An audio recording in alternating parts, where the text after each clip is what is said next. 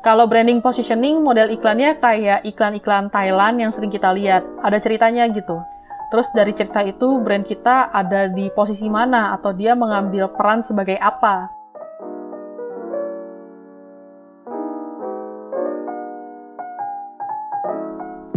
Halo semua, balik lagi di Ngomongin Bisnis by Melon Branding bareng gue Rae. Semoga kalian juga nggak bosen-bosen dengerin suara gue. Ya iyalah, nggak akan bosen karena di episode Ngomongin Bisnis tuh pasti akan ngomongin bisnis. Kalau udah ngomongin bisnis pasti ngomongin cuan, ya kan?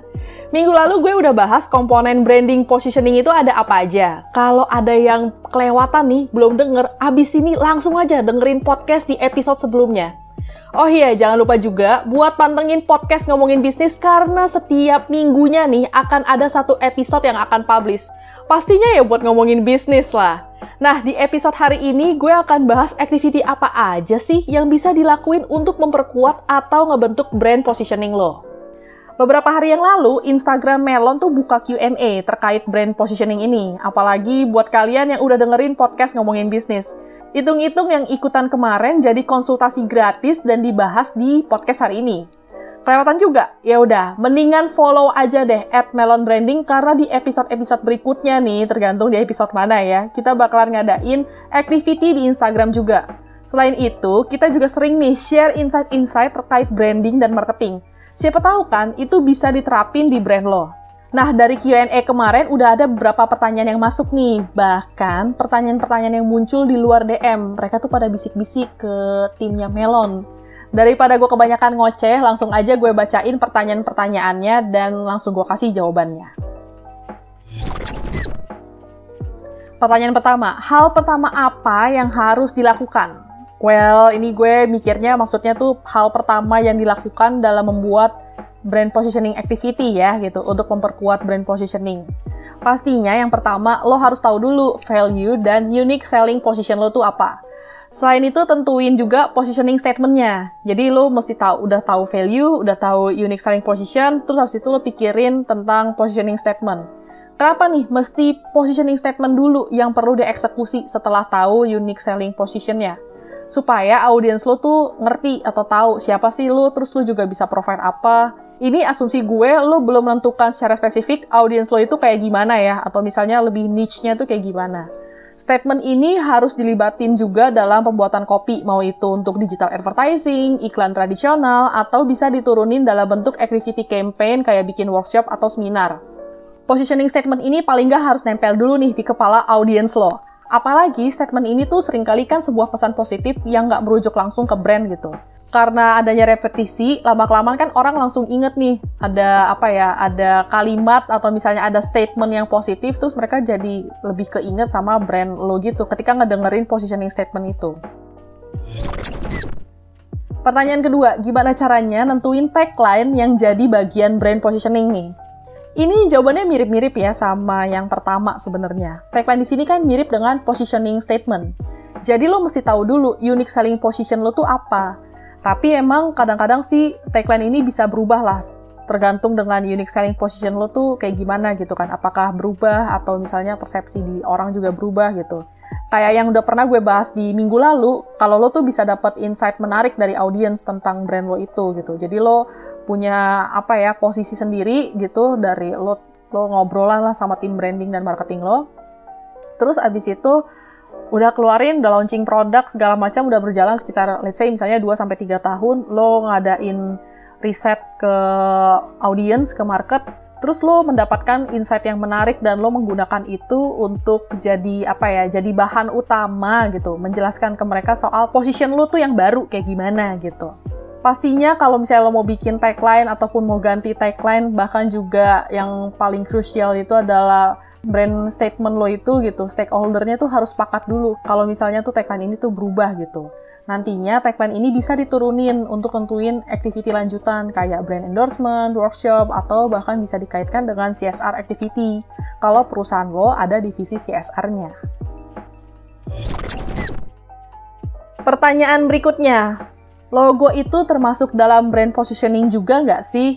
Menarik nih, logo itu emang bagian dari branding, tapi dia secara nggak langsung mempengaruhi branding positioning. Hah? Gimana tuh maksudnya? Logo itu kan banyak komponennya ya, kayak gambar, simbol, warna, dan lain-lain. Pemilihan warna sebenarnya bisa jadi memperkuat brand positioning. Gue kasih contoh kayak brand Lemonilo yang di persepsi kita menyediakan bahan makanan sehat. Salah satu produk andalan mereka itu kan mie instannya ya.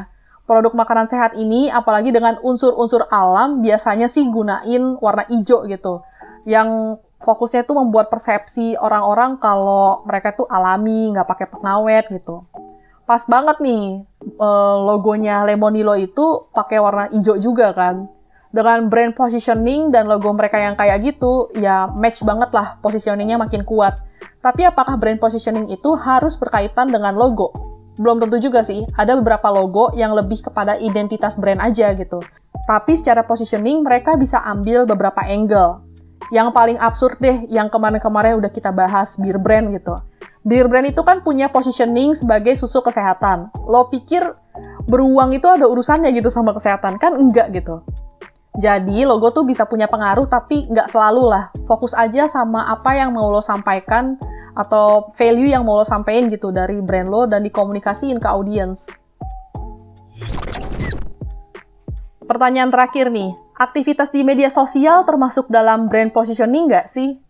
Oke, hampir semua brand sekarang ini emang punya namanya medsos gitu ya. Media sosial sebagaimana namanya adalah sebuah media. Kalau zaman dulu ada banyak bentuk media nih kayak TV, radio, papan iklan, koran, majalah, ataupun juga newsletter gitu. Sekarang karena era digital ada namanya media sosial. Nah, terus abis itu apakah activity di medsos termasuk dalam brand positioning activity nih?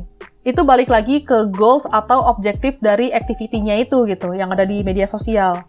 Kalau isinya itu promo-promo aja atau giveaway, bisa jadi itu bentuknya adalah marketing activity. Kalau branding positioning activity di media sosial tuh kayak brand endorsement atau brand activity semacam workshop dan seminar yang berkaitan dengan brand positioning lo ya. Bisa juga konten di media sosial yang nampilin foto atau video dengan suatu cerita tertentu itu adalah bagian dari brand positioning activity. Contoh konkretnya, iklan di TV atau YouTube deh. Sering gak sih lo lihat kayak Shopee atau Lazada atau Tokopedia ngiklan ngasih tahu semacam WIB atau Shopee belanja, promo, dan sebagainya? Itu masuk ke marketing, conversionnya tuh sales gitu.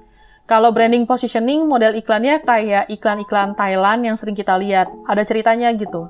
Terus dari cerita itu brand kita ada di posisi mana atau dia mengambil peran sebagai apa. Bisa jadi sebagai pelepas dahaga bagi orang tersayang atau penunjang penampilan yang membuat lawan jenis jadi terpikat. Contoh lain deh, gue kasih nih yang paling banget kelihatan dan yang paling sering kita lihat ya, iklan rokok mereka kan nggak boleh secara direct ngasih tahu kalau mereka adalah rokok gitu. Mereka cuma bisa nampilin nama brand, terus biasanya tuh di iklannya ada model cowok gitu, cowok-cowok maco lah, yang digambarin pekerja keras atau yang suka adventure gitu. Nah, iklan-iklan ini tuh sebenarnya mau nunjukin atau mau kasih gambaran kalau rokok itu bikin cowok-cowok ini jadi kayak tambah manly gitu. Dan jelas ya, target audiens mereka tuh yang paling besar ya laki-laki dewasa, walaupun perokok itu kan nggak selalu laki-laki ya. Nah, itu tadi Q&A soal brand positioning. Brand lo tuh udah bikin activity apa aja nih? Kalau masih bingung, masih bisa Q&A kok di Instagramnya Melon Branding. Langsung aja DM-DM-an, bahkan kita bakalan bisa langsung jawab di situ. Minggu depan gue bakalan bahas salah satu komponen digital marketing nih. As we know, di era digital dan physical distancing, platform digital jadi senjata yang paling utama lah dipakai untuk branding dan marketing. Tahan dulu penasarannya dan sampai ketemu lagi minggu depan. Bye-bye!